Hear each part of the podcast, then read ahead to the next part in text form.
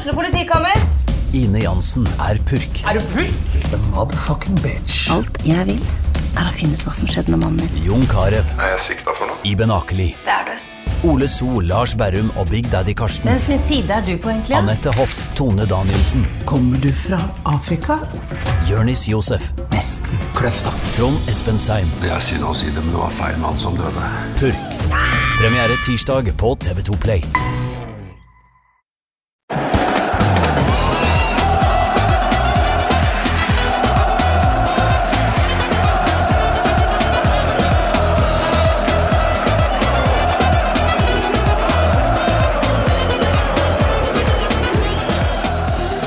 Hjertelig velkommen til en ny episode av Pyro og Pivo. For dere som hater alt annet enn proff studiolyd, så anbefaler jeg å vente til neste uke, for i dag så sitter jeg hjemme i stua. Det gjør også du, Tom Johnsen. Eh, Velkommen skal du være. Jo, takk for det, Morten. Veldig hyggelig å bli invitert til å være med. Du, jeg eh, sitter i min eh, stue i Oslo. Du sitter i en stue du òg, tror jeg, men ikke her hos meg. Nei, jeg sitter litt lenger eh, sør. Jeg sitter i eh, Brussel. eh, På eh, hjemmekontoret mitt, eh, som for så vidt ikke fungerer som et hjemmekontor, men det er nå et kontor, da. Ja. Du bor eh, rett og slett i, eh, i Brussel i Belgia. Ja, jeg bodde her i eh, to og et halvt år. Eh, Kom ned eh, under eh, ja, nesten da covid sto på sitt verste. Det var sånn 20 000 smitta om dagen. Det var helt sykt. Man følte at det var eh, covid overalt. Det er da man bestemmer seg for at nå pakker jeg sammen livet og flytter utenlands. Ja, ja det, var, eh, det var sykt interessant å, å følge med på norske medier på den tiden. Eh, fordi det er her, altså Hjemme i Norge så var det jo sånn eh, 200 koronasmitta om dagen eller noe. Og som sagt, her var det rundt 20 000. Mm. Eh, mens eh, det var jo ikke like stor panikk her som hjemme. Så det var litt sånn interessant hvordan eh, Jeg tror det sier noe om det belgiske samfunnet, egentlig. Du, eh, du har jo bodd i Belgia før også, vi kommer jo tilbake til det. Men eh, hva var det som brakte deg dit nå under pandemien? Jeg jobber til vanlig med klimapolitikk i Klima- og miljødepartementet. Og da er det sånn at Klima- og miljødepartementet har to eh, folk her nede da, som følger klima- og miljøpolitikken eh, i EU. Mm. Eh, og ja, jeg eh, ble Eller fikk den rollen, da. I, eh, i eh, Jeg skal være her i halvannet år til, så det blir fire år, da. Og så kommer jeg hjem. Vi, eh, vi kjenner jo hverandre fra er, Vi har litt sånn rart forhold, egentlig. For vi, vi er egentlig ikke så gode venner. Sånn, vi, vi ser hverandre ganske sjelden. Hva du mener, eh, Morten? Er vi ikke gode venner? Jeg trodde det var eh, premisset. vi, vi er liksom ikke Vi er ikke så close, egentlig, men når du ser på på å si, merittlista av ting vi har gjort, gjort sammen, så virker det jo ikke sånn. fordi vi har jo både sett fotball i eh, forskjellige land sammen og vært på festival og greier. og det eh, Spiren til åssen vi har blitt kjent, kommer jo fra riktig gamle dager. Og jeg tror du må vel ha vært den eneste i det norske punkrock-miljøet som gikk EU-studier? Ja, det, eh, ja det, jeg må jo ha vært det. Men eh, det var jo eh, Det er sant. Det er eh, Altså, eh, Morten Ja, du har på en måte fulgt meg i veldig mange år, eh, men, men veldig sånn perifert. Mm. Eh, Men så har vi hatt sånne intense sammenkomster. Eh, Blant annet på en festival i nesten en uke på Balkan. Det er jo ganske sånn intenst.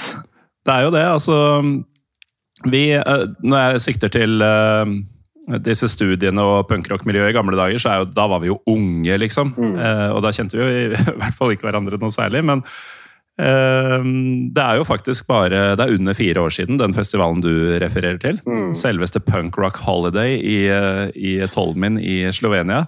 Yes. Og det er jo som du sier, til å til å være oss. Eh, Det å ikke bare være på festival sammen i en uke, nesten, men eh, vi bodde jo i Bodde vi i dobbeltseng i en leilighet? Eller hadde vi hver vår, Nei, egentlig? vi hadde hver vår. Jeg er ganske sikker. De var ble, ikke langt unna hverandre, i så fall. det ble mye slivo eh, på den turen, men jeg, jeg, jeg tror faktisk det var to, to separate, altså. Men eh, vi har jo da mm, Altså, den røde tråden i dagens episode skal jo være at du bor i Brussel, ikke for første gang eh, heller, og, og har et litt um, uvanlig favorittlag, spesielt for nordmenn, men det skal vise seg også for belgere, kanskje. Men før vi kommer til Belgia, Tom, vi har nevnt Slovenia. Vi har vært i et annet land sammen også. Ja, det stemmer. Da... I, i uh, ditt andre hjemland. Mm. Ja, uh, som Belgia har blitt for deg, så har jo Tyrkia blitt det for meg. Og um, det var vel egentlig sånn at du skulle på en Istanbul-tur som jeg tilfeldigvis også uh, Altså i det tidsrommet som jeg også dro ned. Jeg ja, tror det egentlig altså, var to separate turer som vi bare slo sammen litt. Historikken var, var, det at jeg skulle ned til Istanbul eh, alene. Eh, for jeg har aldri vært på, på, tur alene, så jeg tenkte jeg skulle teste det. Eh, og så så jeg på terminlista til Fener, og jeg visste jo at du var Fener-fan. Så jeg spurte om du kunne hjelpe meg med å få tak i billetter til et storoppgjør som skulle være der mens jeg var der. Og det var da Fenebache Besiktas. Eh, og det kunne du, trodde du. Og etter nærmere ettertanke så kanskje du skulle ta deg en tur ned, du også. det var litt sånn eh, spontan eh, Så du fikk jo ja, mobilisert eh, store krefter. Ja. Flere kompiser. Ja, vi blei vel en gruppe på seks nordmenn, tror jeg, inkludert deg. Og ja. da er det jo, skulle man tro, ganske lett å holde sammen. Eh, men vi kan jo bare ta um, fotballdelen først. da, så Når du først skulle til Tyrkia og Istanbul for det som vel var første gang for deg mm, mm. Ikke bare kom du deg på Fenerbahçe Besjiktas, men vi var jo innom Tifo-mekking i forkant. Og um, kom jo vi, vi, var jo på selve tribunen, altså der, der ting skjer. Eh, hvordan rater du den eh, opplevelsen eh, i din fotballkampgående karriere? Ja, det blir litt sånn uh, ut av det sjæl-opplevelse, da. Fordi det er, uh, det er bare ikke likt uh, noe annet. Men altså, vi, vi Fordi du hadde jo masse kompiser i Hva er det, Vamos-bien? Mm. En sånn ultras Ja, ultraskupering, blir det riktig å si. Ja, de eh, kalte seg det sjøl, i hvert fall. Ja, for, for Oppførte seg for så vidt sånn også. ja, og uh, det var jo Ikke sant, det er Én En ting er jo kampen, da. Men en annen ting er jo det inntrykket du får av å snakke med disse folka. Mm. Og ikke minst etter dere dro hjem, så var, drev jeg og hang sammen med dem. Så jeg var jo på volleyballkamp og så Fener på det samme ultra Altså Vamos Bien eh, på volleyballkamp og osv. Så, videre, og så, så det, det, var jo på en måte en første møte med livsstilen fotball, på en måte. da. Mm.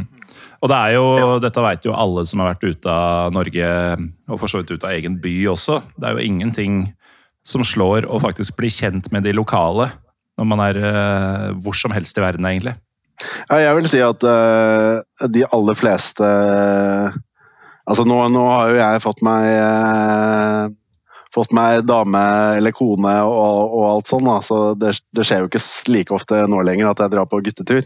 Men eh, alle gutteturene mine inneholder stort sett noe fotballrelatert. da. At mm. man skal på en kamp. og faktisk da jeg var sammen med, med dama i i Baskerland for et få år siden så, så dro vi på Atletic Bilbao-kamp. Eh, så det er jo det er noe spesielt da, å dra og se på fotballkamp og møte mm. på en måte ekte folk og se hva de bryr seg om, og, og se hva greia er på det nye stedet du er. da.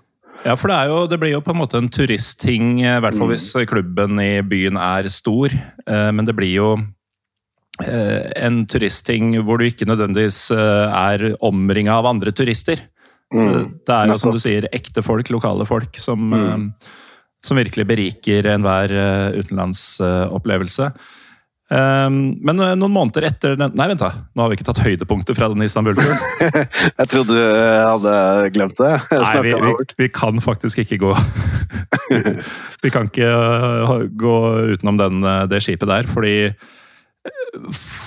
for de som ikke har vært i Istanbul, så kan jeg fortelle at um, det er ganske vanlig å bruke ferjer for å komme seg spesielt mellom den europeiske og asiatiske sida av byen.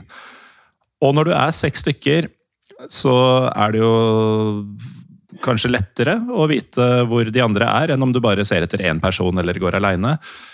Det var et tidspunkt, Tom, hvor vi eh, skulle bytte båt eh, sånn cirka kvartveis i turen. Eh, og da går vi av første båten. Du er ikke nummer én eller sist i køen. Noe som gjør det enda mer utrolig. Men vi går av den båten. Eh, marsjerer egentlig 10-15-20 meter over til en annen båt. Eh, stiger om bord, går opp og setter oss på dekk, og er bare fem. ja. Og idet båten begynner å kjøre, så lurer, lurer, vi jo på da, hvor er Tom? Har han gått på do? Jeg visste ikke engang at det var do på disse båtene. Og så ser vi da båten ved siden av, som var mellom den vi hadde gått av og eh, den vi nå var på. At det går en ganske forvirra fyr ute på dekk der og leiter etter fem andre. Hvorpå vi da blir ropende på stadig flere meters avstand. Tom! Du er på feil båt! Hva skjedde, Tom? Nei, det Jeg vet ikke. Det er eh, Altså, ja. Nei, jeg har noen, eh, noen episoder i livet mitt som bare er helt sånn uforklarlige. eh, og eh, ja, den, den, er jo en sånn, da. Hvordan kan man miste når man er i midten av en gjeng? Ja. Eh, hvordan mister man den gjengen? Og ikke så dere veldig tyrkisk ut, og du er jo over to meter også, så det burde være enkelt å, å, å liksom holde følge. Jeg har jo en eh, gudegave når det gjelder å lede ekskursjoner og turer og sånn. For ja, ja. det er bare å følge den skinnende issa som står opp av folkemengden. ja, Nei, men uh, Nei, jeg, jeg, vet ikke. Jeg vet ikke. Men uh, jeg var helt sikker Altså, jeg, jeg, jeg visste ikke jeg, visste ikke at jeg var på feil båt. altså, Før noen fra en annen båt ropte det til deg? jeg var veldig overrasket, rett og slett. ja, det var vi òg. Ja. Men det var faktisk ganske chill, da.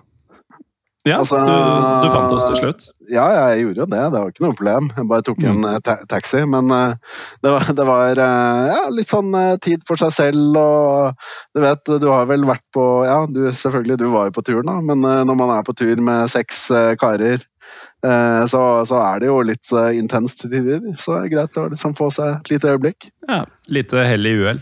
Ja. Men nå kan jeg jo si at et par måneder seinere samme år så bodde jo du i eh, Brussel. Mm. Det var vel første gang i livet du gjorde det. Ehm, jeg og en kompis vi fant ut at eh, mai det er en god tid eh, å dra ned og besøke min gode, nære venn Tom. Apropos, vi endte jo med å bo hos deg. Ja, ja. Så kanskje vi er bedre venner enn jeg prøvde å gi inntrykk av i starten. Ja, jeg, ikke vet jeg. Altså, jeg, jeg kan, bare, kan bare, Altså, jeg står inne for den nære perifer, men uh, tett. Mm. Ja. som, som, er en greie. Ja. Um, men da bestemte vi oss jo for å ta en eh, dagstur til en vesentlig mer billedskjønn by enn det Brussel er. Um, jeg liker Brussel, altså, for all del, men det fins vakrere steder i Benelux, blant annet Brugge. Hvor vi eh, var litt uheldige med at det faktisk var mai, fordi det var eh, I Belgia så har man jo eh, dette sluttspillsystemet, som ikke alle er like stor fan av. Og noen som ikke var fan av det, var jo Serkle Brugge sine Ultras. Og, tror jeg, motstander KV Mechelen sine Ultras. Mm. Eller Mechelen, eller hvordan man nå sier det. Eller Marlin, som man sier på eh, fransk, mener jeg. Ja, ja altså vi, vi må etter hvert prate litt om dette forbausende dysfunksjonelle landet Belgia også, men dagstur til vakre Brygge med, med en fotballkamp nesten blotta for stemning. Og, det var et lite antiklimaks sammenligna med Istanbul-derby et par måneder tidligere, men det var en fin dag, det òg. Ja, jeg syns det var eh, flott det, å besøke Jan Breidel stadion og, og, se hvordan det funker med å ha egentlig én stadion for to lag som hater hverandre. Ja, for det... Og, eh, ja, jeg har jo fått eh, Jeg må si også at uh, Serkle Brygge har jo på en måte vokst på meg i senere tid, da. men mm. det, det, kan jeg komme tilbake til. Ja, fordi når du sier to lag som hater hverandre, altså det er jo mer kjente Klubb Brygge eller FC Brygge eh, som deler dette stadionet med, med Serkle. Og når vi sier deler Vi mener deler, altså. Ja. For det er altså på utsida der du, du må bare forklare. altså Omtrent der halv eh, eh, Hva heter det for noe? Eh, midtlinja går på banen. Der ser du også et tydelig skille på utsida av stadion. Ja, ja, og det er egne barer eh, for hver klubb. Eh, det er jo ganske sånn fascinerende. Det er skikkelig sånn 50-50-opplegg, da. Ja, rett og slett delt. Altså fargene endrer seg Ja. der den linja går. Fra å være grønt og svart med serklepub og sånn på ene sida. Går det Eh, mislig, altså, klubb, eh, klubb er jo Det er jo egentlig nesten litt sånn spesielt at Klubb Rygge har gjort det. fordi Klubb Rygge er en kjempestor klubb. mm. Altså, det er jo liksom en av de større europeiske klubbene. Og Seikle Brygge er jo egentlig nesten ingenting.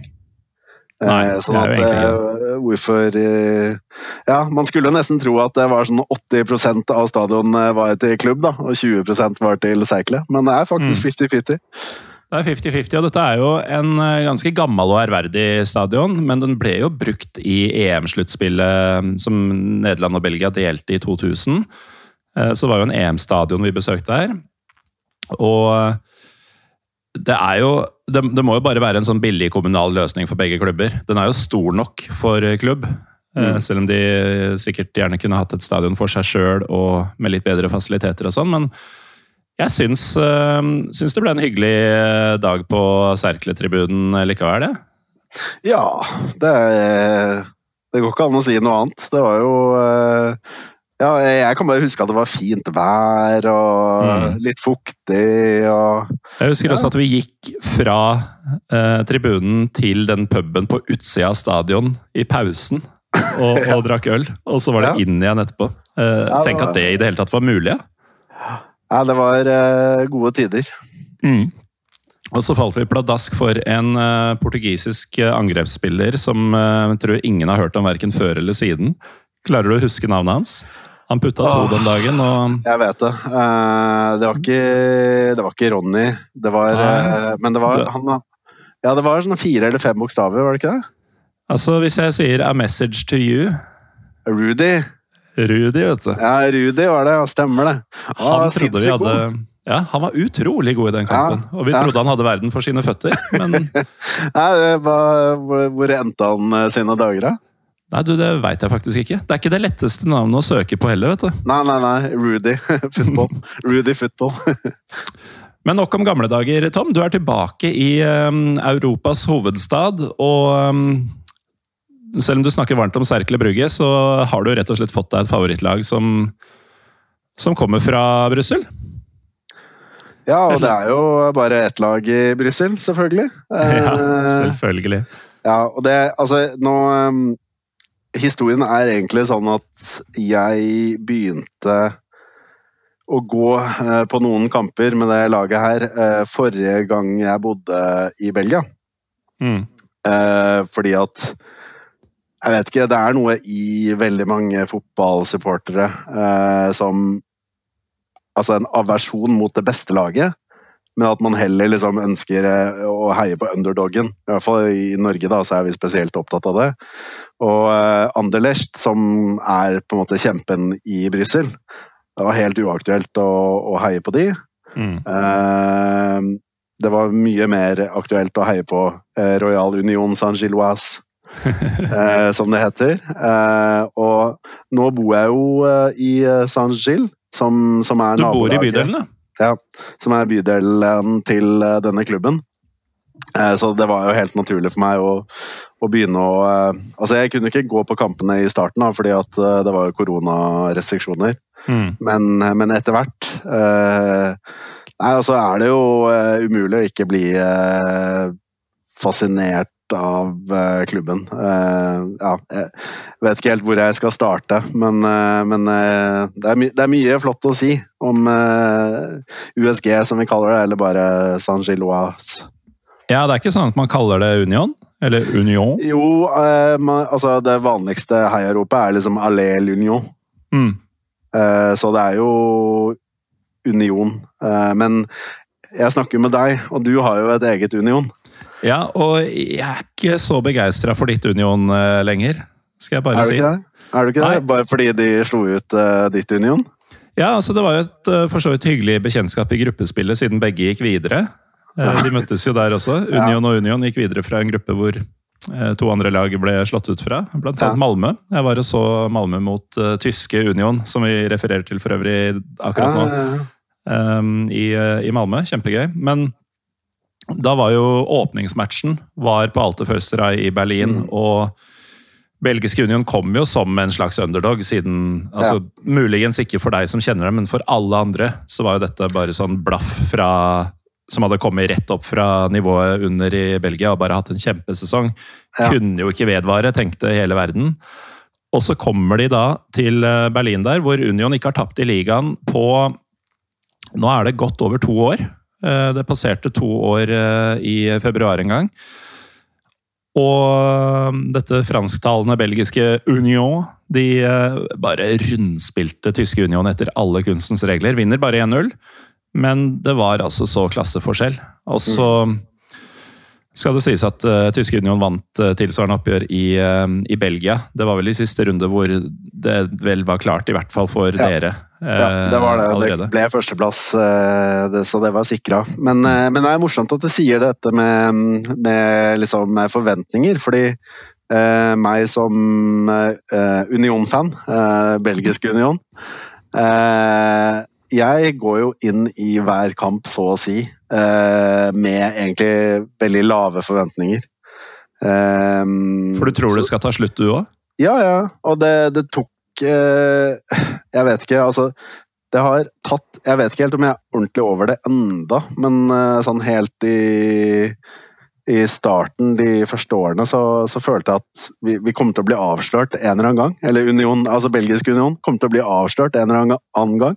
Mm. Uh, men, men, de bare De er sammenlignet Altså, jeg, jeg har jo to uh, Jeg heier på uh, Av genetiske årsaker så er jeg på, på TIL i Norge. Eh, og av eh, litt sånn tilfeldige årsaker så heier jeg på Sheffield Wednesday i England. Mm. Og de to klubbene har jo sånn stort sett liksom skuffet meg eh, hele tiden. Eh, blant annet så husker jeg eh, Tromsø. De klarte jo å tape cupfinalen på straffer mot eh, Hødd. til alt overmål på min 30-årsdag. Mm. Så det var jo et svik uten like. Uh, mens eh, USG eh, alltid har overgått mine forventninger. Da. Alltid.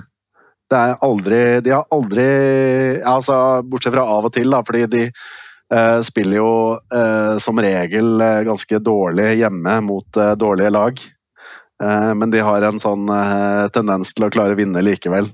Nå mm. senest forrige runde så vant de hjemme 2-1 mot et lag som heter Serang, som, som lå liksom på desidert siste i, i belgisk toppdivisjon. Ja, det høres jo Jeg har sett det navnet flere ganger, og det var forfriskende å høre deg si det såpass enkelt, fordi jeg tenker Altså, Jeg får sånn Nainggoland-vibber av, av, det navnet. Jeg tenker at det må være noe sånn indonesisk etterklubb. eller Ja, men Jeg har ikke peiling på om jeg sier det riktig, da. Nei. Men, eh, men ah, nei, det er ikke noe særlig klubb, altså. Det er eh, Serang. Nei. Men. Du, du, nevnte så vidt, Tom, at du begynte å dra på USG-kamper første gang du bodde i Brussel. Mm. Og det er jo en del år tilbake. Ja. Det er jo en klubb med en veldig stolt fortid, men den stolte fortiden den er ikke så kort tilbake i tid. Altså, da du først begynte å gå på USG-kamper for en, det må bli en tiårs tid siden mm. Litt annen opplevelse enn nå, eller? Ja, da Ja, veldig, veldig annerledes. Altså, selvfølgelig kvaliteten, interessen Ja. Egentlig Hvor, lå de da? Eh, nei, da, da, lå de i uh, tredje øverste divisjon, er jeg ganske mm. sikker på. Uh, men historien til Union er jo ganske Altså USG, da. Eller når jeg sier Union Vi, vi skjønner at det er Union ja, fra nå av. Ja. Union.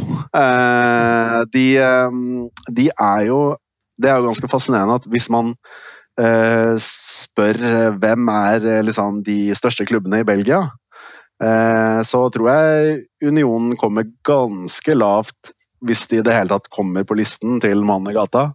Fordi Mm. de, de fleste har ikke hørt om det, ikke sant. Men de er altså det tredje mestvinnende laget i Belgia. De har elleve seriemesterskap. Sant? Eh, alle før andre verdenskrig, da. Ja, Så, altså, jeg, ja. jeg så litt på den lista. Det er jo faktisk sju av de elleve er før første verdenskrig. Og så er det fire neste i mellomkri mellomkrigstida. Ja, ja, ja. Eh, så, så de var ehm, eh, Altså, Union har en veldig interessant historie. De var jo I Belgia så har du et sånt eh, Det kalles matrikuleringssystem. Eh, det vil si at eh, hvert lag får et eh, tall fra Mm. fotballforbundet, basert på når det ble stiftet. Så Royal Antwerpen, som jeg vet du har hatt én en eller to episoder om, de er jo lag nummer én. De var første klubben som ble registrert. Eh, og det er eh, Union-fansen eh, eh, digger jo det. Altså, og Antwerpen-fansen, da Union rykket opp og, og spilte mot de, så, så skrev de sånn banner sånn 'Velkommen, Union'. Velkommen nummer ti. Fordi Mm. Union er nummer ti. Og Ja. de er altså da blant de første. Og det er en sånn gjensidig respekt i, eh, i Belgia eh, mellom klubber som er eh, blant de første klubbene. Fordi eh, i Belgia eh, særlig, eh, det er jo noen andre land det er sånn òg, men i, i Belgia så har du hatt en veldig stygg vane med å eh, slå sammen klubber. Ja. Eh, sånn at det har jo vært, kan du si Selv om Union har vært kjempedårlig egentlig siden eh, andre verdenskrig, så å si. De hadde en liten uh, suksess på 60-tallet òg, men, men uh, i, i all hovedsak. Uh, så, eh, så vil jeg si at en sånn stor suksess de har hatt, er likevel å holde seg flytende. Altså eksistere. Og bare Mm. det å aldri slå seg sammen med noen. Aldri bli borte som en klubb. Eh, Det i seg selv er liksom en stor seier, fordi at veldig mange av de, hvis du ser på listen over liksom matrikuleringstall, da, så ser du ok, det er liksom Antwerpen, uh, Gent, uh, det er noen av de store klubbene der. Eh, Men, men det er veldig mange lag som, som har opphørt å eksistere. Da. Mm. Så det, det, er veldig jo, kult. Ja, for det er jo sikkert et visst press eh, også. At når det går så gærent så lenge at uh, man det er, det er fort gjort å falle for fristelsen Mm. og, eh, og ta en sånn utvei da, hvor du kan slå deg sammen og lage en ny satsing med, med noen andre. Men det har de da ikke gjort, og sitter nå igjen som klare vinnere pga. det. Fordi Ja. Nei, altså du, du eh, Altså det er jo tre Det er på en måte egentlig tre klubber i, eh, i eh, Brussel. Eh, Så Mm. du har jo Union, da, som er den store, gamle kjempen. Eh, og så har du Anderlecht, som, som slo an litt senere. Eh, da Union egentlig var nede for telling. Ja, og det Eh, er jo når du sier tre klubber. Eh, Jeg Ja. tror de aller fleste inntil Union dukka opp eh, på radaren for under to år siden for de fleste, så har man tenkt nei, Brussel har én klubb, og det er Anderlecht. Ja. Nei, det, det, ikke sant? Og det stemmer jo ikke, da. Mm. Fordi eh, det er, eh, det er et lag som heter eh, Det er så kryptisk som RVDM. eh, som er Red White eh, Daring Molenbeek. Kødder du? De er jo Nei. Så de er, de er jo fra Molenbeek, som, som kanskje ble bedre kjent etter Bataclan-aksjonen osv. Ja, Eh, det har også at, eh, fått videreført den beryktetheten gjennom sesong fire av eh, Fauda. Den fantastiske israelske oh, ja. thrillerserien. Ja, hvor, ja, Molenbeck er nabolaget, Ja. ikke klubben. Nei, nei. Nei, nei. Molenbeek. Ja. Eh, nei, altså Og det her Historisk sett så var, eh, var det to klubber i Brussel. Det var eh, Union, og så var det Daring. Mm. Og Daring er jo, kan du si, eh, opphavet til dagens hybrid, eh, eller sånn bastardklubb, som er RVDM. Ja. Eh, og den ble slått sammen med masse ulike klubber. Forrige gang jeg bodde her, så het jo RVDM het FC Brussel. Ok, det er ja. Det har endra seg litt, Ja, kan man si. Ja, så gærent kan det gå. Så det var liksom da eh, I utgangspunktet så var det da eh, Hvis du snakket om rivaler i Brussel, så var det Union eh, mot Daring. Ja. Eh, og det er jo også grunnen til at jeg vil si at rivaleriet mellom Molenbeek og Union er større enn rivaleriet mellom, mellom Anderlecht og Union, eller Anderlecht og Molenbeek. Men eh, du sier jo at RVDM først og fremst eh, de er jo en sammenslåingsklubb. De er ikke det Daring en gang var. Mm. eh, som betyr mye for, eh, for supportere i Belgia, eh, med tanke på det du sa om Royal Antwerps eh, velkommen til eh, USG da de var tilbake. Men eh, i og med at det er så lenge siden storhetstiden til begge, eh, altså både RVDM og eh, USG, er det i det hele tatt noen igjen i live som holdt på å si vil he holde det rivaleriet i hevd? Uh, ja, det For det høres litt ut som en sånn turboversjon av Lillestrøm og Strømmen, liksom. Hvor det bare er dagens 60-70-åringer som, som har et Ja. eh, forhold til det. Nei, jeg vet ikke. Altså, ting blir bare arva gjennom generasjoner, på en måte. Og det som er litt sånn spesielt, da, det er jo at det her er jo nabolagsklubber. Mm.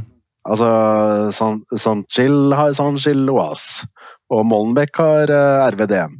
Mm. Og det er liksom eh, det, det er de to nabolag. Anderlecht er et nabolag, det òg, faktisk. Uh, Men uh, ja De er liksom ikke helt det samme. De har drevet med en litt annen idrett ikke sant, i Mm. 50 år. Eh, Så, så de har liksom ikke vært helt relevante. Grunnen til at jeg spør om dere i Valeriet, er jo at hvis man ser på um, sesongen som foregår i eh, etasjen under, eh, der eh, Anderlecht og USG holder på, så er det vel ikke helt umulig at man får Molenbeck mot Union i Er det Jupiler League det heter for tiden? Ja, Neste sesong? Jubileer eh, Pro League er det vel. Eh, nei, det, det stemmer. Det er faktisk mest sannsynlig at, at det er RVDM som rykker opp uh, fra neste øverste divisjon. Da. Men eh, med belgiske ligasystem så vet man jo aldri. Man vet jo ikke før den nye sesongen starter hva som egentlig kommer til å skje. Så, eh, men eh, det var eh, De hadde jo en kjempeviktig kamp eh, mot Beveren eh, hjemme eh, forrige helg som ble uavgjort, og, det var på en måte et godt resultat for eh, RVDM. da. Mm. Så eh, det ligger jo an til at man får de eh, tre klubbene, altså tre Brussel-klubber i øverste liga, og det er egentlig ganske sånn historisk signifikant, da, med tanke Mm. på at det bare har vært én Brussel-klubb eh, så lenge. Og det gjør kanskje, hva vet jeg, det, det gjør kanskje at det blir litt mer fotballkultur i, i byen her også. Ja, for det er jo eh, sikkert mange fordommer knytta til, uh, til Brussel by. Jeg har jo vært der et par ganger sjøl, og du nevnte at eh, Belgia er jo ikke et land man blir spesielt klok på. Eh, sånn sett så gjenspeiler jo ligasystemet samfunnet ellers. Ja, ja. Men det er jo også en by som jeg heller ikke har fått helt taket på. Jeg har likt meg der, men jeg har liksom ikke skjønt sånn Er det et sted folk bor, eller er det et sånn internasjonale organisasjoner, museum i friluft? Og altså Sannheten er jo selvfølgelig det første, men eh, som, det, det er jo ikke fotball som først streifer en, når man verken oppholder seg i, hører om, ser eh, Brussel by. Så eh, fortell litt om de forskjellige lagenes eh, fotballkultur og supporterkultur. Mm. Eh, Anderlecht, uh, for det første, Anderlecht vet jeg ikke så mye om. Fordi, uh, ja, jeg vet ikke, kanskje jeg bare har eh, internalisert den eh, Union-greia. Mm. At jeg egentlig driter litt i Anderlecht. Men du har vært på litt Eh, Anderlecht-kamper? Nei. Eneste Nei. gangen jeg har vært i, eh, på Lotto Park, eller Park Astrid, er for å se Union. ja. Så jeg så de Union vinne mot Union eh, i forrige runde, og skal se Union eh, forhåpentligvis slår Leverkusen eh, i kveld. Ja, det er Eh, sant. Det, det- har vi faktisk ikke nevnt ennå. Det er jo, Nei. Vi sitter nå på torsdag ettermiddag, og du, du har kampbillett til ja, om noen timer. Til, Ja, ja, ja det, blir, det blir sykt fett. Jeg gleder meg veldig. Men så i hvert fall Anderlecht det, det som er litt sånn spesielt med Anderlecht òg, og egentlig andre belgiske klubber sammenlignet med Union, er at eh, altså Belgia har jo et go veldig godt landslag, ikke sant? Mm. Og Belgia har jo en storeksport av talenter uh, som til de store ligaene. Men Union har liksom aldri vært der, da. Uh, og det er ikke det Union driver med. Det er sånn journeyman, rett og slett. Altså, Mm. Vi kan, vi kan komme tilbake til liksom, lagoppstillingen til Union, for jeg syns jo det er litt sånn interessant. Eh, men i hvert fall så, så eh, føler jeg at Anderlecht egentlig driver med en litt annen sport. Uh, Ja. Bortsett fra at eh, Union har slått inn nå uh, seks ganger på rad. Da. Uh, så ja, Seks seire på rad. Seks seire på rad. Så det, det, er, det er ganske vanvittig. Det var I fjor så vant de hjemme og borte. og vant i playoff hjemme og borte. mm. Og i år så vant vi hjemme og borte. Det er jo faktisk eh, vi, vi har nesten ikke hypa det nok, men det er jo et lag da som har ligget med brukket rygg i mange tiår. Som øh, virka vel nesten litt overraskende selve opprykket også. eh, uten at jeg har helt oversikt over det. Nei, egentlig ikke. Jeg, jeg kan ta, ta den nå. Men jeg kan også bare nevne først, for å gjøre oss ferdig med RVDM, da, at eh, RVDM er litt sånn pøbelklubb. Ja, det, det skjønner man jo. ja, Nei, men de, de er jo altså, For å si det sånn, det er jo ganske blenda-hvitt på stadionet der, da. Mm. Eh, Så det er jo ikke sånn eh, smeltedigel, eh, tror jeg, den klubben der. Men uansett så har de et De har nok et image som ganske sånn harde. Og i, i fjor, det var vel mot Serang faktisk, i relegation playoff, så storma de banen borte og yppa til bråk og skulle banke Serang-fansen. Mm. Eh, Så, så de er jo på en måte litt sånn harde. Eh, og det står egentlig i veldig kontrast til Union, da. Fordi Union eh, er kjent for å ha en veldig sånn PMA, da, eller positiv eh, Altså eh, være veldig positive. Mm. Eh, og de synger aldri mot motstanderne. Eh, klager veldig sjelden på dommeren. Eh, det er eh, synging nesten non-stop da, for eget lag. Eh, og det er, det er en veldig sånn inkluderende klubb, da, rett og slett. Som er, Det er veldig sympatisk. Veldig kan- nabolagsklubb. ja, ja, veldig. Og noen kan jo si at det er på en måte litt sånn Det må jo være Altså, en ordentlig klubb må jo ha litt sånn ordentlig Litt sånn skremmende support også. Mm. Eh, men men eh, jeg Altså, ja, jeg er for gammel til å, til å liksom synes at det er så veldig spennende, egentlig. Nei. Så for meg så er det bare kjempepluss at, eh, at de har en så eh, positiv eh, holdning til, eh, til kampen. Og jeg tror det også er en fordel for Union, for jeg tror eh, vi sk Jeg skal komme tilbake til stallen, da, men jeg tror at veldig mange fotballspillere antageligvis presterer bedre i Union enn de ville gjort i eh, andre klubber som er litt mer negative, da. Dette gjelder nok eh, begge unionene, faktisk. fordi eh, vi, vi har jo chatta litt om dette i forkant av episoden. Det er jo eh, to klubber som har henta veldig mye spillere som enten ikke har fått sjansen på dette nivået tidligere, eller som ikke har fungert i andre klubber på dette nivået tidligere. Eh, og da har bare kommet sammen og blitt en Hva er det man sier? Helheten er eh, bedre enn hver Ja, enkelt del. Definitivt. Men eh, bare sånn før vi går på det sportslige, eh, siden vi er så godt i gang. Mm. Det er jo litt, eh, altså Du har forklart litt om supporterkulturen. nå. Du sier det er mye synging eh, positivt for, eh, for klubben, men hvor eh, eh, Før vi kommer til selve stadionet, hvor eh, mange er det som drar på en USG-kamp? Og hvor mange stående er det, sånn eh, roughly? Ja, eh, da må jeg først eh, si at eh, Slå fast at det er fullt. I hvert fall den store ståtribuna, da. Der- hvor på en måte den ekte fansen står. da. Den er full og solgt ut bare for sesongkort. Så det, det er ikke så- mulig å oppdrive matchdag-billetter der. Ståfeltet smekkfullt, kun sesongkort. Ja. Det er pent. Så det, det, det er bra. Eh, og så eh, hører det med til historien at eh, det feltet kanskje tar la oss si 4000 folk, da. Mm. Eh, så det er ikke sånn superimponerende. Eh, 4000 stående syngende er fint, det. Ja, men alle er kanskje ikke like. Altså, den harde kjernen Du kan si altså den, den mest Det er flere grupperinger, da. Men, men, den klart største er nok de som kaller seg for Union Boys, med H. BHOYS. Ah. Og det er litt, det er litt harry at de kaller seg boys. Og egentlig litt sånn uunionsk, fordi at i Flandern så synger jo nesten alle fansen på engelsk. Mm. Noe som er utrolig kleint, syns jeg. Mens i altså sørover, i Brussel og Vallonia, så synger man jo på fransk. Mm. Og Union synger på fransk, men av en eller annen grunn så heter det Union Boys likevel, da.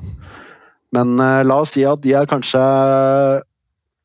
på en god dag 400 sånn ultras-folk, da.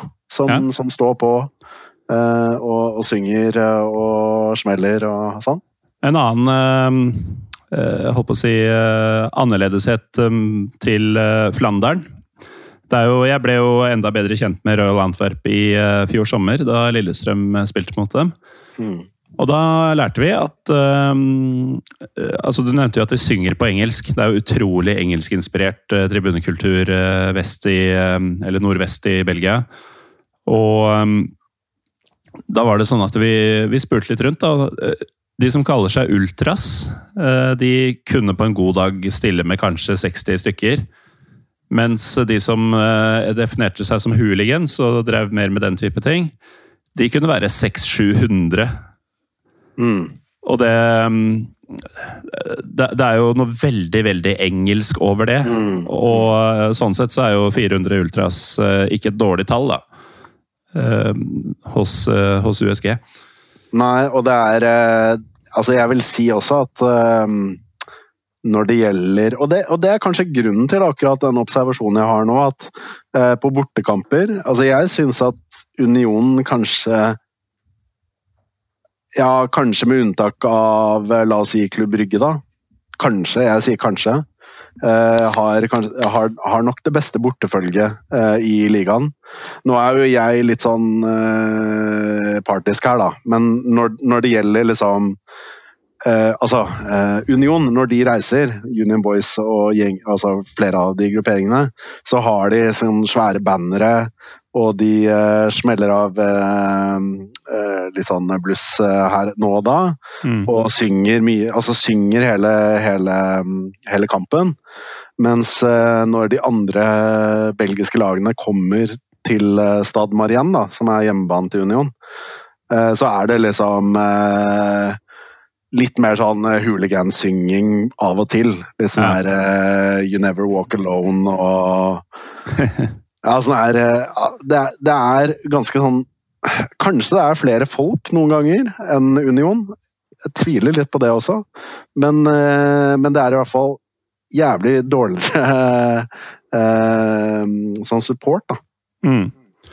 Ja, altså Belgisk supporterkultur er, som belgisk ligasystem og belgisk samfunn ellers, vanskelig å bli ordentlig klok på. Men ehm, du har nå i hvert fall disse regionale forskjellene hvor du kan pinpointe en del eh, sånn elementer som, som, blir ganske tydelige. Men stadionet, altså det er plass til 4000 på den eh, ståtribunen. Det er jo et stadion som i hvert fall ifølge Uefa ikke er bra nok. Eh, du har vel gitt uttrykk for det i chatter også, at det er vel en del å spikke på her? Altså, det er helt, eh, det er helt sinnssykt. Um, altså, toalettene er jo en brakke. Mm. de fleste Altså, under, under kamp så, så, står jo folk og pisser fordi Altså, la oss si det sånn, da. Det, eller la meg starte på nytt. altså den stadion der er kjempegammel. Altså, den ble bygget for over 100 år siden, tror jeg. Og uh, den stadion ligger Det er en del av terrenget i en park. En stor park som heter Park Duden. Eh, så det er utrolig når du er på kamp, eh, og særlig når det er fint vær, for det er ikke tak over eh, den tribunen. Utrolig å liksom se trærne og kanskje se det er noen lokale papegøyer som bor i parken her òg. Mm. Som kommer flyvende når vi leder 4-0 mot Standard Liège. Det er ganske magisk. Men i hvert fall så, så ligger det i den parken, og det er ikke noe særlig man får lov til å gjøre, fordi alt er bare freda. Sånn mm. totalfreda, liksom. Eh, men i hvert fall, det er det eneste som er eh, Eller det er ikke det eneste som er fint med stadion, fordi det er jo en utrolig fin stadion med sånn art deco, sånn arkitektur og utrolig intimt osv. osv. Men fasiliteten er helt sinnssykt ræva. Eh, det er en brakke som er, som er dassen, mens 90% av de som må pisse, tror jeg gjør det oppimot skogen, da. Inne på stadionområdet, bak mm. hovedtribunen. Uh, øl, uh, det tar uh, i Altså Hvis du er heldig, så bruker du 25 minutter på å stå i ølkø. Mm. noe som gjør at de som kjøper øl, gjerne kjøper øl for la oss si hele vennegjengen, da. Så det, det, jeg har pleid å gjøre når jeg skal ha øl, det er jo at vi, vi f.eks. er en vennegjeng, og så skifter vi på å stå i kø. Så hvis jeg har med fire kompiser, så står jeg i fem minutter, og så står neste kompis i fem minutter, neste kompis i fem minutter, og så er det har det vært eh, kanskje en eh, ja, halvtime, da. Eh, så er det øl å få. Øl å få. og eh, ølet er jo eh, billig og bra, eh, men det er, det er helt Altså er, du vil ikke tro det, ikke sant. Og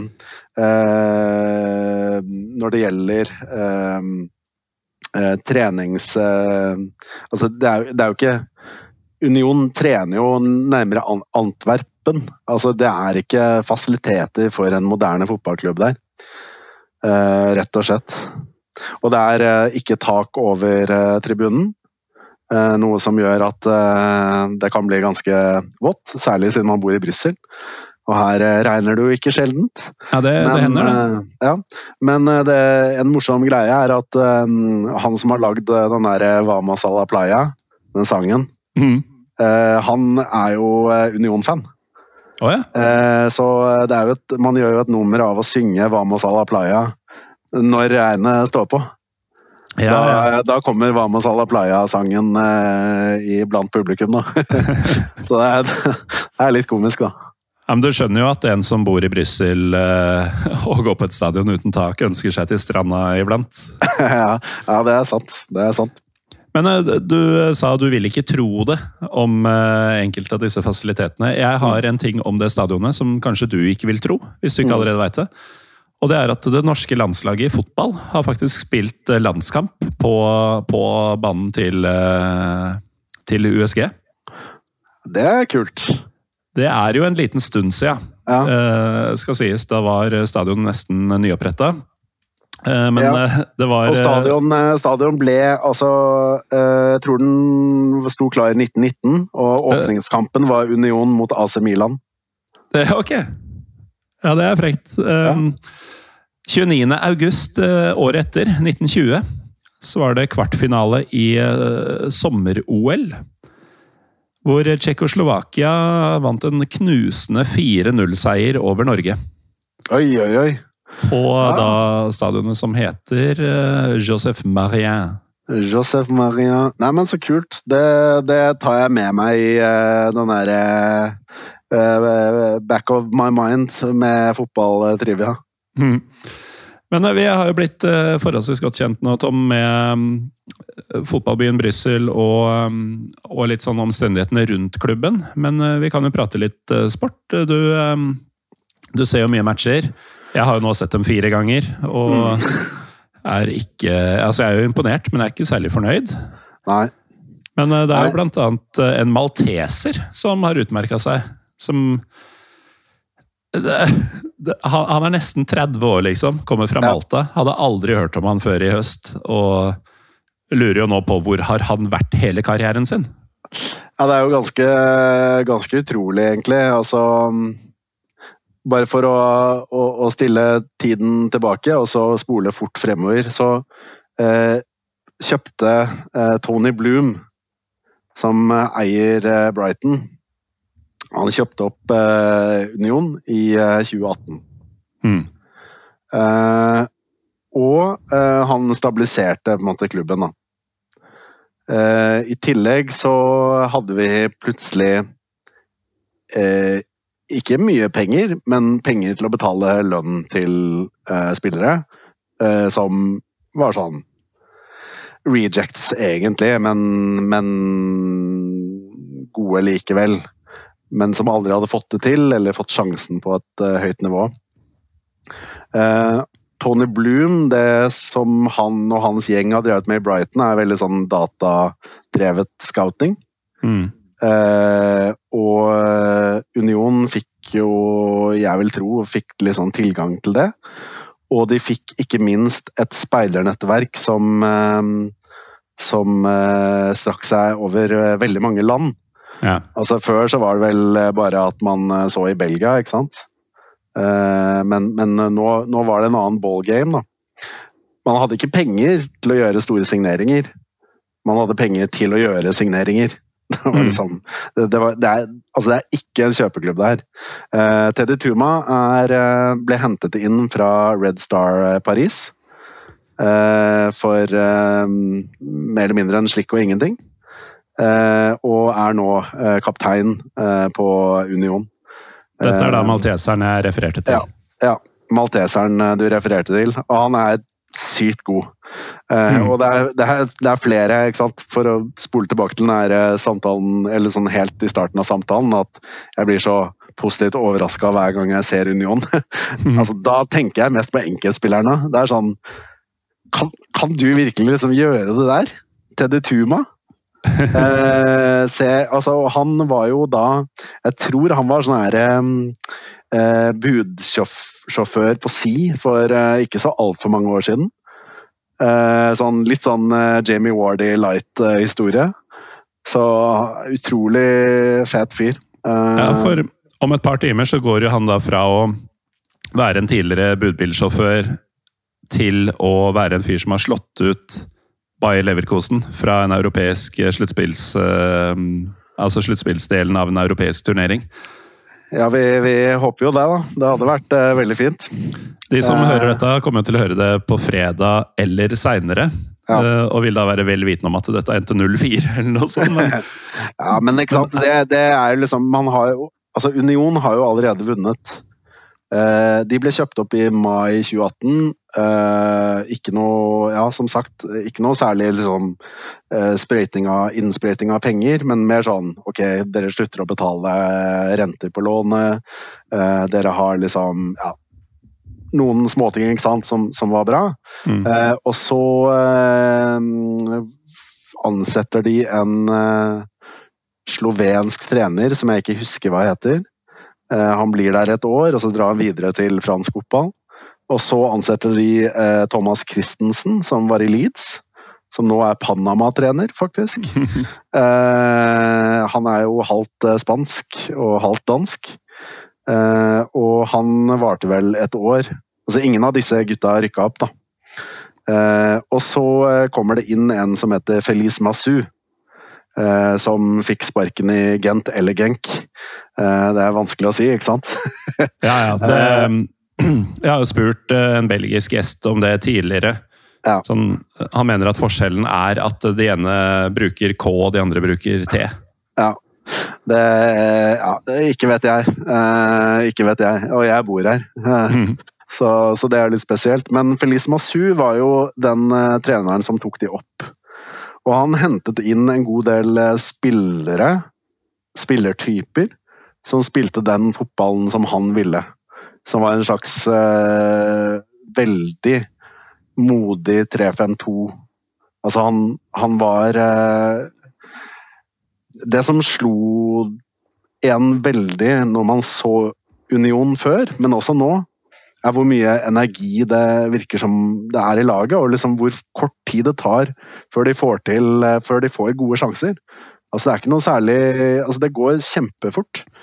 Uh, men, uh, og, og det har kanskje ikke du sett, men jeg har sett Union ligge under en del også. Uh, og kanskje også få en mann utvist. Og det, det de gjør da, det er jo ikke å, å spille på det trygge. De er alltid ute etter å vinne kamper. Så Feliz Masu eh, tok jo da Union opp i eh, 2020-2021-sesongen. Som var første gang på 48 år at eh, Union eh, var i øverste ligaen. Så det var jo eh, helt utrolig. Eh, Dennis Undav, som man hentet fra tysk tredjedivisjon, var jo toppskårer da. Sammen med Dante Vanzir, som vi hentet fra enten Genk eller Gent sitt ungdomslag. Eh, som også viser seg å være en eh, kjempesuksess. Eh, Feliz Masu vinner jo på en måte ligaen på første forsøk, da. Eh, men så har man jo det der teite playoff-systemet. Ja, for Union var Altså, de vant grunnspillet, Mm. om, om man skal kalle det. Ja, og visstnok så Ja. Og det som skjer da, er at de fire beste lagene de blir tatt ut til en playoff. Eh, og så tar man poengene og deler de på to. Og så spiller man to kamper mot hverandre. Mm. Uh, og uh, Klubb Brygge har jo alltid vært imot uh, dette playoff-systemet, fordi de pleier alltid å lede serien med veldig mange poeng. Eh, så de var jo imot at man skulle halvere antall poeng. Det var jo no, no go for de, ikke sant. Men Mm. eh, denne gangen så, så eh, var de godt tjent med det, fordi Union leda med Jeg tror det var Å, herregud, var det fem eller syv poeng? Eh, nå står det litt stille for meg, men i hvert fall så ble jo det betraktelig redusert, da. Ja. Og Klubb Brygge vinner den sesongen der. Blant annet, blant annet eh, etter eh, at eh, eh, Dante Vanzir, som, som er en egen historie Jeg Kunne nesten snakket i 20 minutter om han. han har en ganske interessant historie, men han bomma i hvert fall på straffe. Eh, en straffe hjemme eh, mot eh, Klubb Brygge. og Så tar Klubb Brygge og kontrer inn 1-0, og så møter vi de i, på Jan Breidel.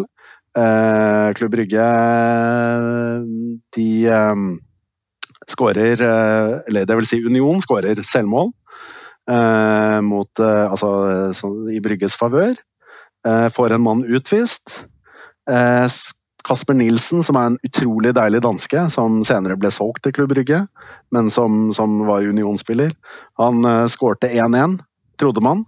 Men det viser seg at det var noen millimeter offside i oppspillet. Sånn syv eller åtte trekk før selve målet, som var et drømmemål. Han må jo elske VAR. Ja, ja. Må elske VAR.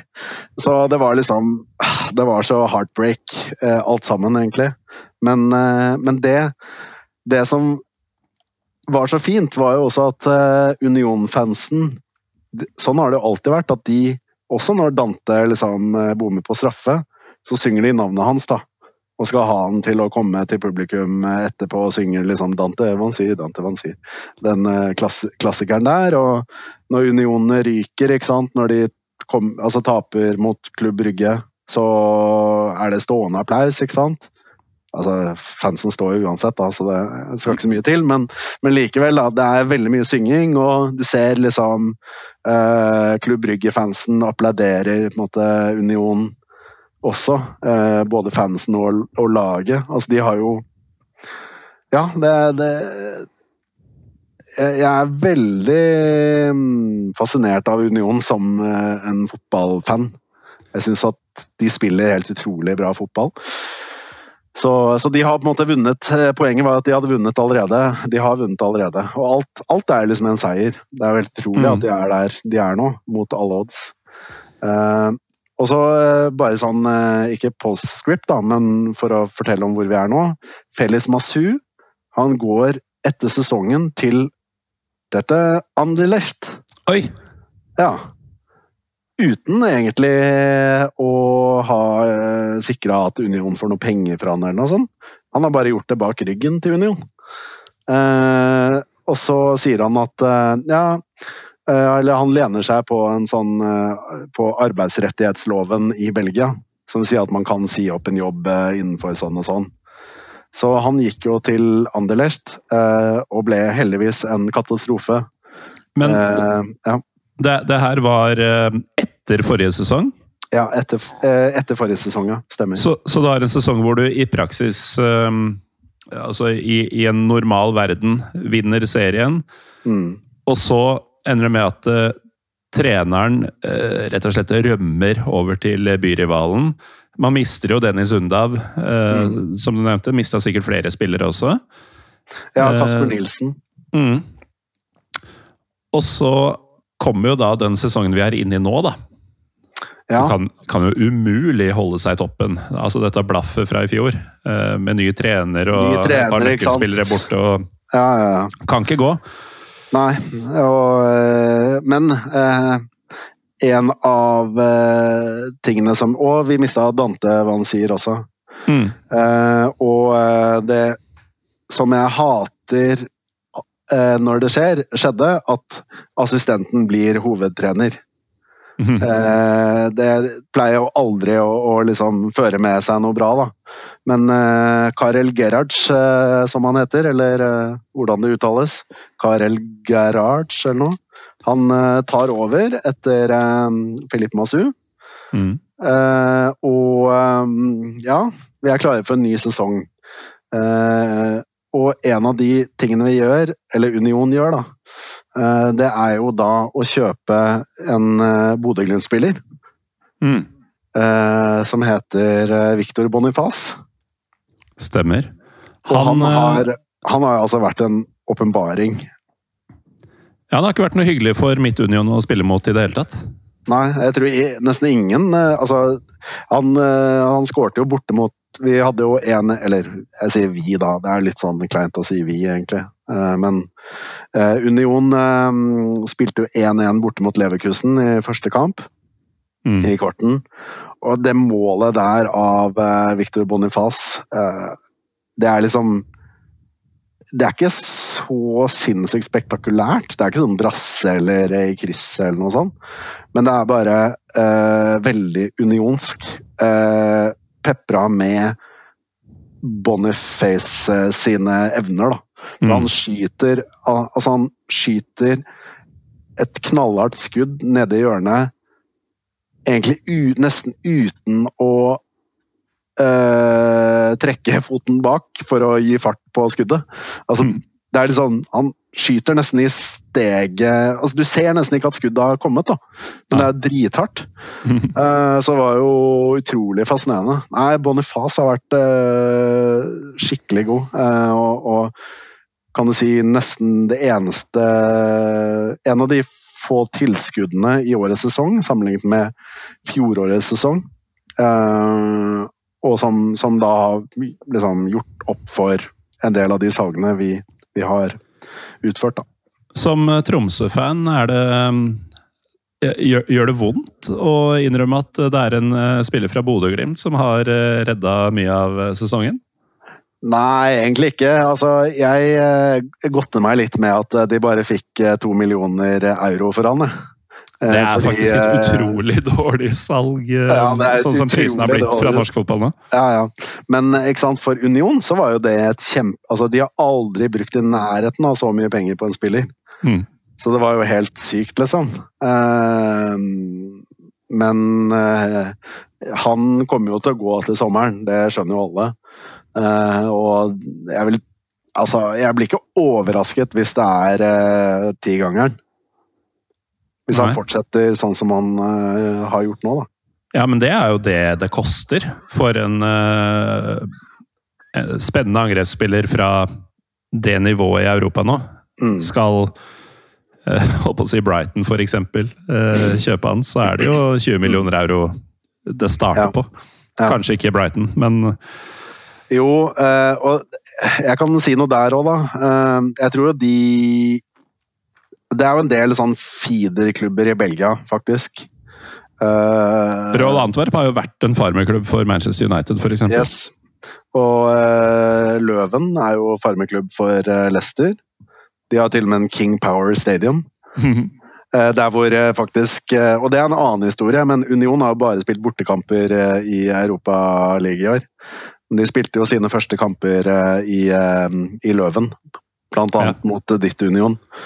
OH Eh, Løyven. OH Løyven, eh, eller Louvain, som de Lø- også Selvfølgelig. Um, uh, hvor var jeg? Um, Bortekamper ja, hvor... i Europa? Nei, ja, men det var jo egentlig en digresjon. Ja, nei, men Det er jo det denne podkasten er tufta på.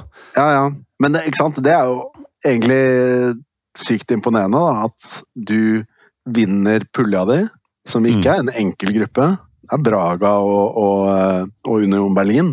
Mm. Og Malmö for så vidt, men Malmö er liksom ikke så god, da, men likevel. Ja da, men mange eh, års erfaring fra mm. denne type situasjoner og sånn. Ja, og, du, og, man slår ut da Union Berlin, eh, som er et solid lag fra en so veldig solid liga. Eh, og det her gjør man jo eh, på eh, altså bare bortekamper. så det gjør det jo nesten enda mer imponerende, spør du meg. Men de spiller jo. ikke Løven lenger? Nei, og poenget var jo egentlig at det er mange feederklubber i, i Belgia. så jeg tror Lommel er noe sånn her City sin klubb, eller noe sånt. Mm. Uh, ja, det er, det er, flere sånne eksempler, da. Um, men uh, Union er liksom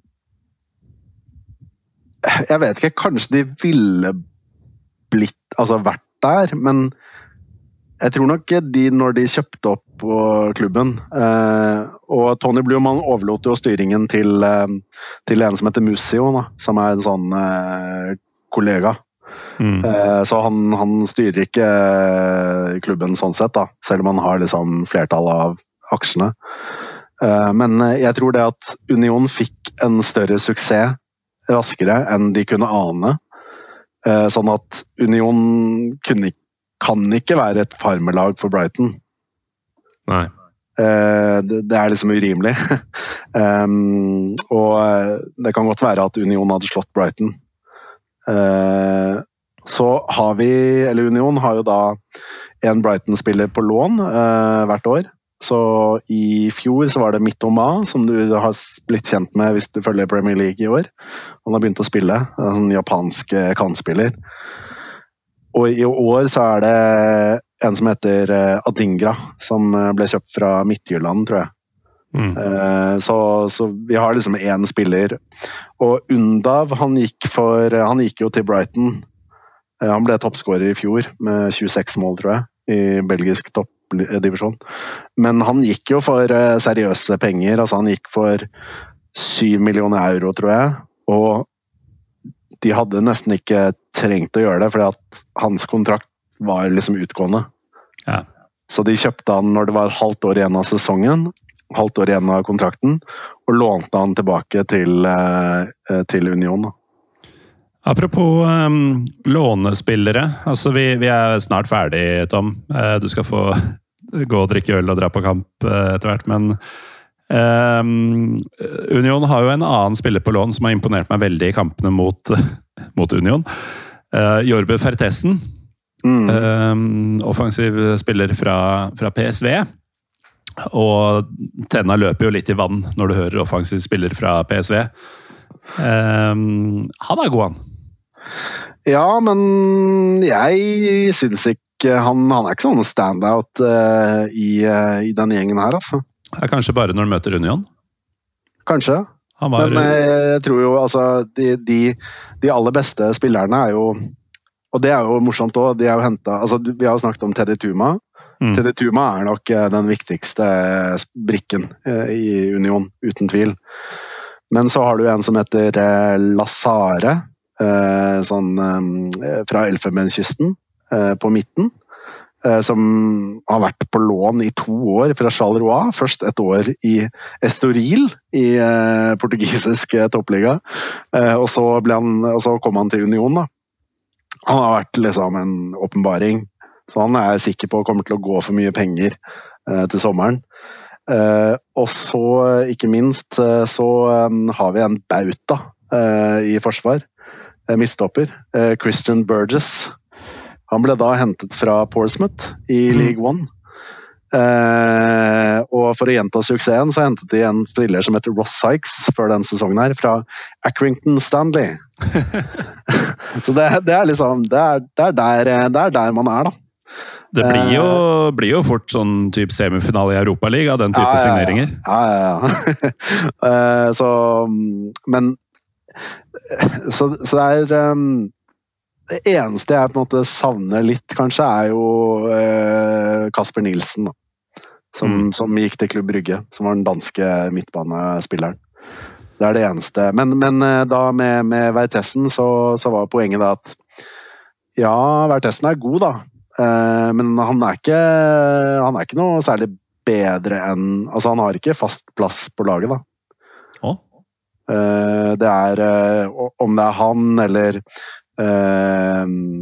f.eks. eh, eh, en, en annen fyr på rundt to meter som heter Nilsson, som Union hentet fra Ingolstadt før sesongen. Han spiller jo av og til, og Adingra spiller av og til istedenfor uh, Vertessen. Um, så det er jo Ja, ikke da- Og, og Lapoussin, som er fra Madagaskar. Eh, som Ja, hvor hentet de ham fra, da? Eh, Excelsior Virton. Eh, så, så Det er en litt annerledes spillelogistikk eh, Ja. man driver eh, i Saint-Gilles i, eh, i Brussel, men med stor suksess, da. Og nå Ja, men- er det jo, Tom, et par timer til avspark mot eh, Leverkosen. Et annet lag som gutta dine sjokkerte eh, i første oppgjør ved å få uavgjort i, i Tyskland. Eh, vi nevnte jo at eh, eh, USG de spiller jo ikke lenger europacupkampene sine i Løven. Hvor, hvor er det du skal på kamp etterpå? Og se hjemmelaget Union Saint-Gilloise. Det er på Park Astrid, eller Lotto Park som det heter. som er Anderlecht sin. Åssen føles det?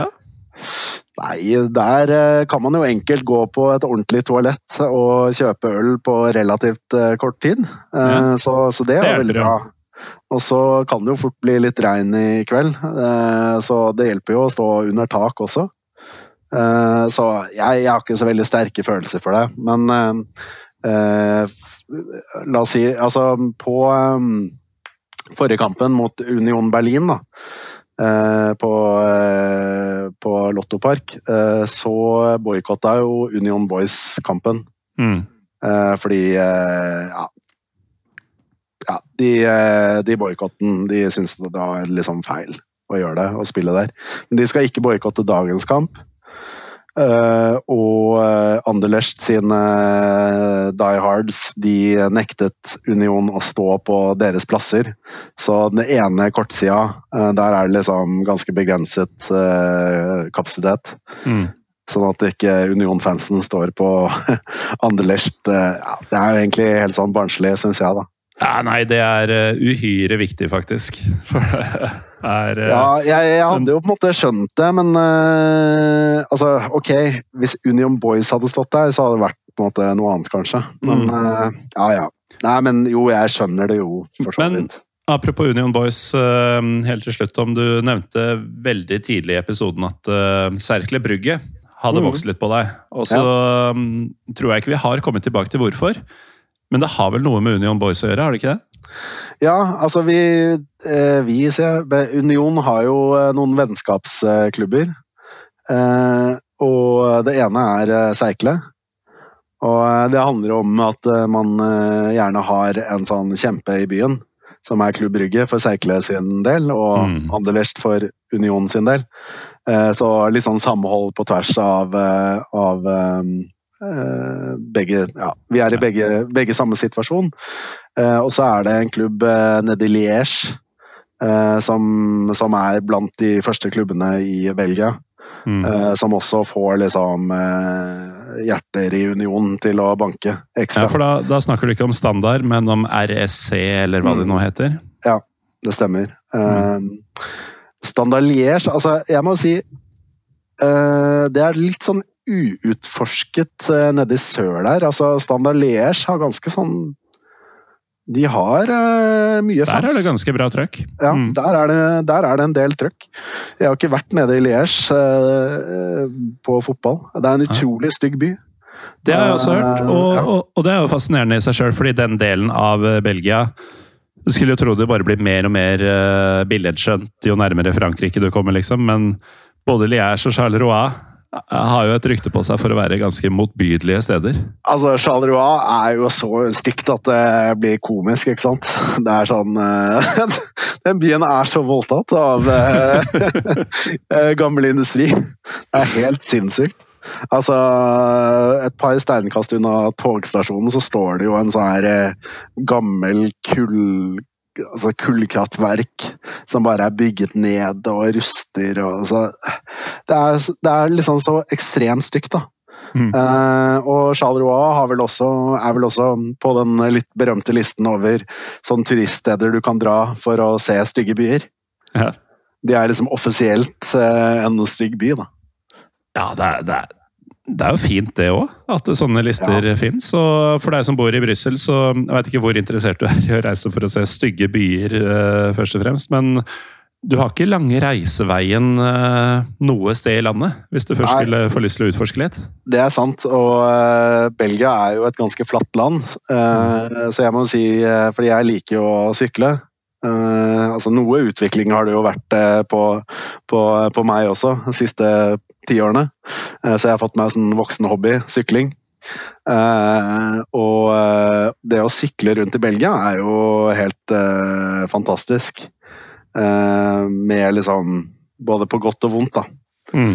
Det er fantastisk på godt og vondt. Ja, det er fantastisk. Altså, du blir jo glad. Ikke sant? Jeg blir jo, jeg blir jo kjempeglad når jeg, når jeg tenker på Charleroi. Mm. Men det er jo altså det tristeste Noe av det tristeste jeg har sett. Ja. Men uh, det varmer på en måte litt likevel, da. men, uh, ja, også, men uh, det er mange steder i sør som er veldig flotte òg, faktisk, i Belgia. du har en by som heter Namur, eksempel. som Ja, nå blir det litt sånn geo, geopod her, da. Men den er veldig fin. Ligger ved elven Møs. eller Mas som går gjennom Maastricht, f.eks., som jeg mm. også har bodd i. Uh, og nedover til Dinant. Nei, det er kjempe, kjempefint hvis, du, hvis man ønsker å ta seg en liten uh, fotballferie og en uh, ferie ved siden av. Det er, et, det er, jo et, jævlig kult land på sitt uforståelige vis. selvfølgelig Ølkulturen er jo helt absurd, og ja, det, det, er, det, er, jo svære fotballklubber med veldig forskjellig uh, kultur. Så det er, det er, masse å fordype seg i i Belgia.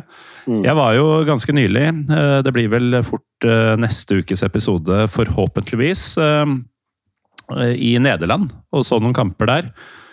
Og da var vi i Breda på et tidspunkt hvor vi da faktisk møtte Hans Bressing, denne Antwerp-supporteren som, eh, som, vi kjenner godt fra før, som har vært med i et par episoder. Uh, og, og, da var det sånn at uh, vi uh, snubla over en belgisk bistro i Breda. Hvor vi fikk, uh, fikk oss en stupfles, eller hvordan man uttaler det. Denne øl- og kjøttgryta som ja som jeg tror er livretten til Lars Skau, som var med på turen, og som eh, er med i episoden som vi skal lage om turen. Hva, hva er din favorittrett i Belgia, Tom? Ja, jeg må bare si en honorable eh, mention til eh, min ikke-favorittrett. Som er det jeg kaller for ballekes. Ja. Som, som, rett og slett er en belgisk tradisjonell kjøttbolle. Som Altså, den jeg syns den er så kjip. Jeg spiste den én gang. Bare, det var noe av det første liksom, jeg gjorde da det åpna her. var sånn, Dra på en belgisk bistro. og Bestille meg ballekes, fordi det var jo så morsomt. ikke sant? Ja, ja det er kjempegøy. Uh, ja, ja, Men uh, det var ikke noe særlig. Men uh, det, som, det, som, er, det er jo mol fritt, da. Uh, Pommes frites kommer jo faktisk fra Belgia. Mm. Selv om vi kaller det Eller ikke vi, men noen kaller det french fries. Det er Belgian fries. Det er Belgian fries. Mm. Så det er, det er særlig Ja, det, det, det er nok, det er nok toppen, vil jeg si. Ja, og mol er jo da, for de som ikke hadde fransk på videregående, blåskjell, rett og slett. Ja. Muscles. Muscles. Brussels from muscles. Nei, muscles from Brussels. Ja. Nydelig. Det er kanskje ikke um, Skal du først spise blåskjell i Belgia, så vil du vel ikke at de skal komme fra Brussel? Nei, helst ikke. Som er en ganske landlocked eh, by. Men Men jeg, uansett jeg, ja. Nei, men eh, jeg vet ikke, altså mm, eh, Jeg har jo eh, i hvert fall én ting jeg har lyst til å, til å gå inn på mer, da. Hvis jeg har tid. Ja, nei, det, du vet best om du har tid. Det er du som skal Ja. på kamp. Ja, men ja, eh, for men, eh, vi, vi kan ta. Vi kan sitte her lenger, vi. Fordi eh, fotball er jo gjennom eh, en prosess nå. Eh, der eh, det er kommersialisering. Altså Mm. naken kommersialisering. Ja, den er, er ganske Ja. Vi er helt enig i det. opp i trynet ditt. Ja, det er, det er helt forferdelig, ikke sant. Um, og Union er jo Altså, Union er midt i et nabolag. Altså, du går uh, Altså, det er i en park i uh, rett ved noen leiligheter som har stått der siden 1800-tallet, ikke sant. Det er eh, ordentlig sånn genuin eh, det, er, ikke stort, men det er veldig fint og betyr veldig mye for veldig mye mennesker, rett og slett. Eh, og så kommer jo eh, greia, da. Og det er jo at vi får ikke lov til å spille i Europa fordi man ikke har bra nok fasiliteter. Altså, hvor, hvorfor det, egentlig? Altså, Nei, og det mest absurde med det er jo at eh, nå har du jo for så vidt skissert ganske ræva fasiliteter, da. Men jo, jo, men altså denne so- sesongen, so i, i samme gruppa, i samme turnering, eh, og for så vidt andre grupper i andre turneringer også, så har jo Uefa hatt dette pilotprosjektet hvor eh, safe standing defineres etter de forskjellige forbundenes eh, regler. Da. Så hvis f.eks. en ståtribune i, i Frankrike eh, er bra nok for bruk i league A, så er det også bra nok for bruk i Europa League eller Champions League eller Conference League. Mm. Men det prosjektet har jo bare gjeldt de topp fem-ligaene, såkalte topp fem-ligaene. Som gjør at eh, Union Berlin, som har et stadion med ca. 22 000 eh, totalkapasitet, og av de 22 000 så er ca. 4000 sitteplasser, resten er ståplasser, Mm. det er bra nok for å spille Europaliga. Mm. Og det må jo um, Igjen, du skisserer jo vesentlig verre for fasiliteter enn det Mm. Union eh, Berlin har å by på, men det må jo føles ganske urettferdig, da. At man er i en liga som sportslig er for dårlig til at den vurderinga kan tas. Ja, det er jo helt uh, hårreisende. Uh, det er jo helt latterlig. Eh, men i hvert fall resultatet av disse tingene da, er jo at eh, han Mussio, eller Tony Bloom og gjengen, da, eh, sier jo at eh, ok, vi kan ikke ta klubben eh, videre før vi har bygget en ny stadion. Mm. Vi kan ikke gjøre noe med stadion vår igjen, fordi den ligger i en park som er liksom totalfreda. Vi, kan, ingen, vi har ikke lov til å bygge tak engang. På den. Ja, men de har ikke det. Det er jo helt utrolig. Eh, Det er litt sånn Du får nesten ikke lov til å røre noen ting. Eh, Så ja. Og da eh, mister jo Union litt av sjelen sin, da. Ja, og det er Også, liksom sånn Det er jo definisjonen på tveegga sverd, i hvert fall for en fotballsupporter. Ja.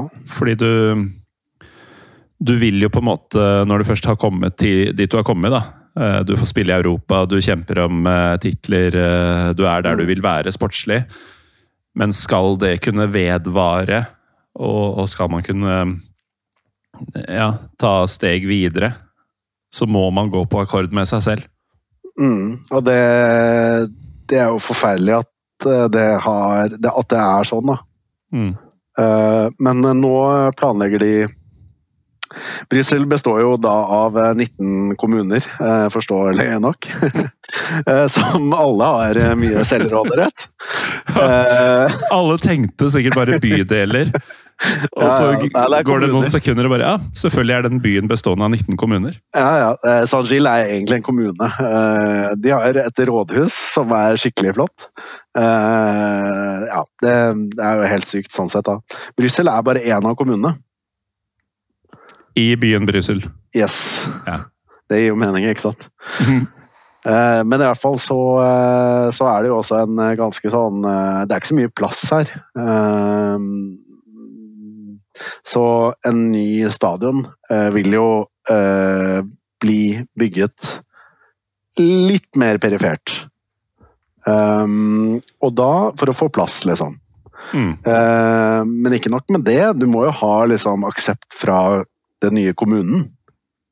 Eh, og da må du gjennom de og de prosessene, og du har, inn, eh, du har liksom klagerett for andre kommuner i tilfelle det blir mer trafikk. ikke sant? Hva med, hva med kommunen Ukle, som er nabokommunen til, eh, til den nye kommunen der hvor stadion skal ligge? Hva med gjennomfartstrafikken på kampdager? Mm. Nei, det vil jo ikke de ha. Så det er sånn, eh, i stedet for å ha én kommune da, som sier hva som er best for byen, så er det sånn eh, 19 ulike meninger, og alt som på marginen gjør ting verre for deg, stemmer du imot. Mm. Så det er jo helt eh, sykt. Men i hvert fall så, så vil jo den en nye stadion, hvis den blir bygget, og det, det er visst penger til det, og man har satt av liksom 50 millioner euro. Så det er jo seriøse penger. Ja. Uh, og jeg har sett planene for den nye stadion, det ser jo liksom ganske greit ut. Det er jo ikke sånn her eh, monstrøs, overdimensjonert eh, drittstadion. Mm. Uh, men, men det er jo på en måte en moderne stadion likevel, da. Um, og det blir et kvarter lenger å komme seg fra der hvor jeg bor, f.eks. Så i stedet for å bruke 40 minutter til stadion, så må jeg bruke la oss si en time. da. Mm. Og da er det sånn du Og til alt overmål så er jo eh, Parkduden, eh, eller Stad Marien, da, eh, den ligger jo faktisk i Foré. I Forest. Kommunen Foré.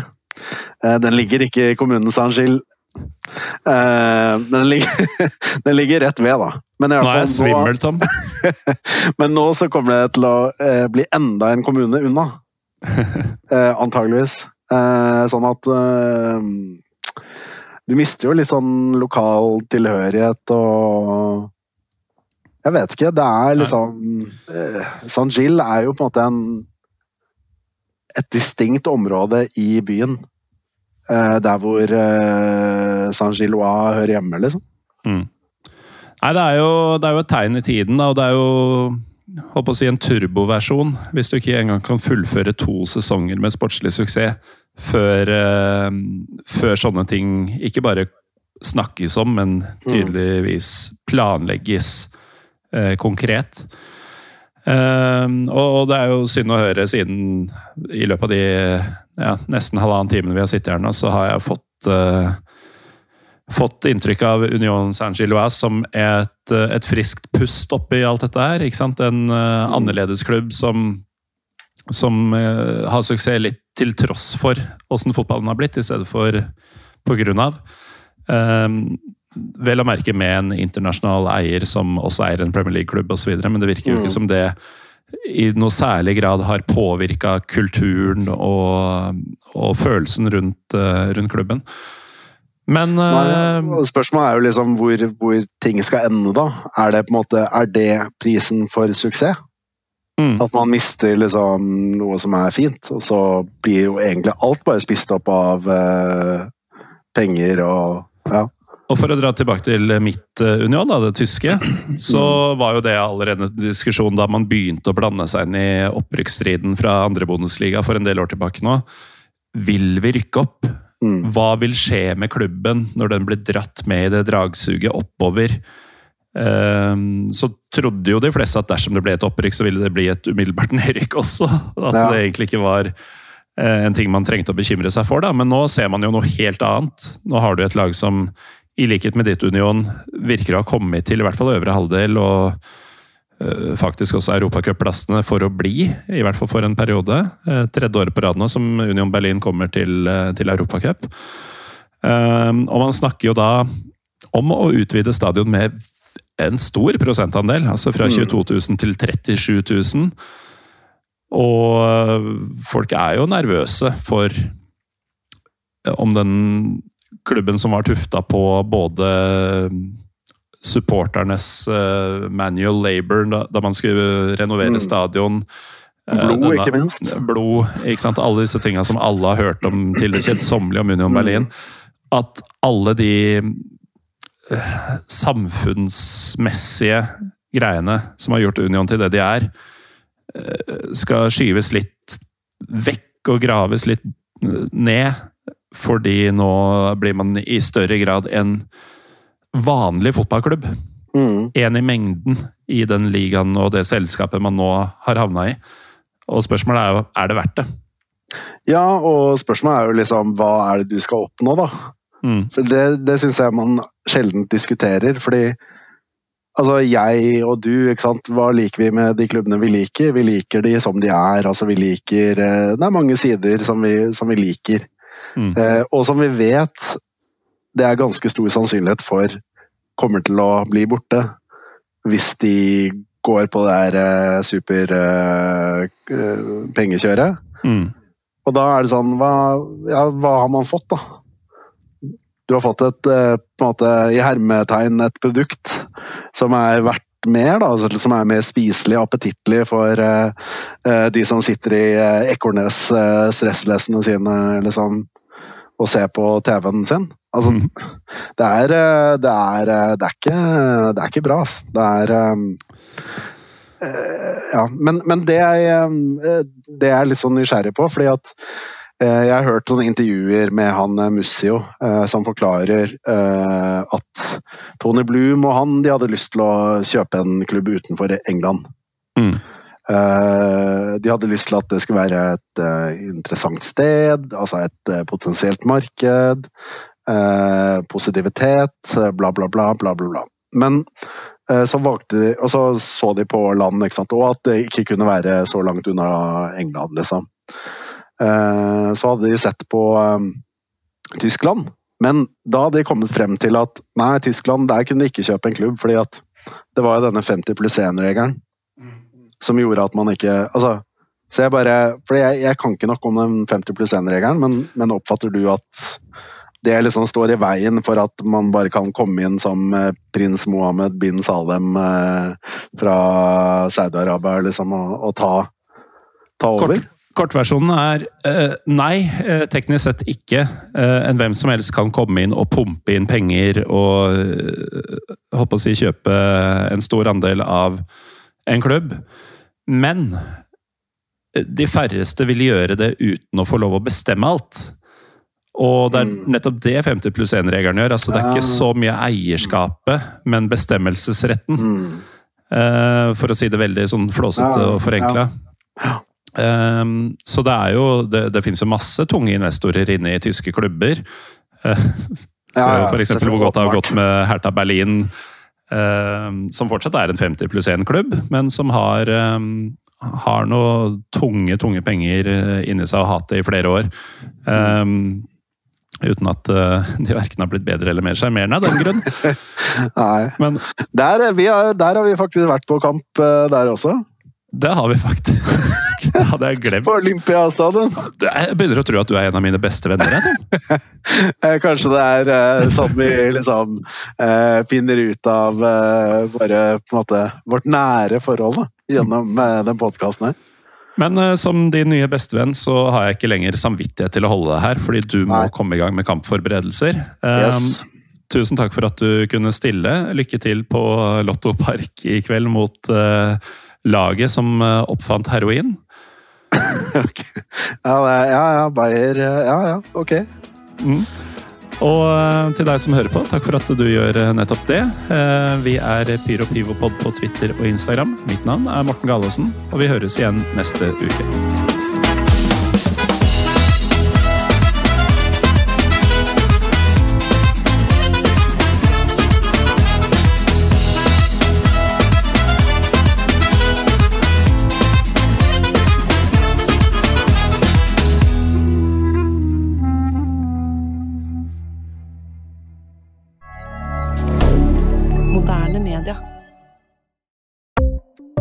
Ukens annonsør er HelloFresh. HelloFresh er verdens ledende matkasseleverandør og kan være redningen i en travel hverdag. Mange av oss har nok vandret i butikken både sultne og uten en plan for middagen, som ender med at vi går for de samme kjedelige rettene gang på gang. Middag burde være dagens høydepunkt. Som Hello Fresh kan du nå velge mellom 25 ulike retter hver eneste uke, eller få Hello Fresh til å sette sammen menyen for deg. Dette gir deg muligheten til å prøve nye og spennende retter alene eller sammen med familien. Du velger antall porsjoner og får alt levert på døren på et tidspunkt som passer for deg. Oppskriftene er enkle, og maten er lett å lage både for store og for små. Ved å få alt levert hjem får du også mer tid til å dele matgleden med familie og venner. Kanskje det frister med asiatiske tacos eller greskinspirert kylling? Da kan jeg anbefale deg om å gå inn på hellofresh.no. Her kan du bruke koden FOTBALL og få opptil 1779 kroner i rabatt på de første fem matkastene hvis du ikke har prøvd Hello Fresh tidligere. Du kan også bruke rabatten hvis du har vært kunde og stoppet abonnementet ditt for tolv måneder siden eller lengre. Gå inn på hellofresh.no og bruk koden FOTBALL. Har du et enkeltpersonforetak eller en liten bedrift? Da er du sikkert lei av å høre meg snakke om hvor enkelt det er med kvitteringer og bilag i fiken, så vi eh, gir oss her, vi. Fordi vi liker enkelt. Fiken superenkelt regnskap.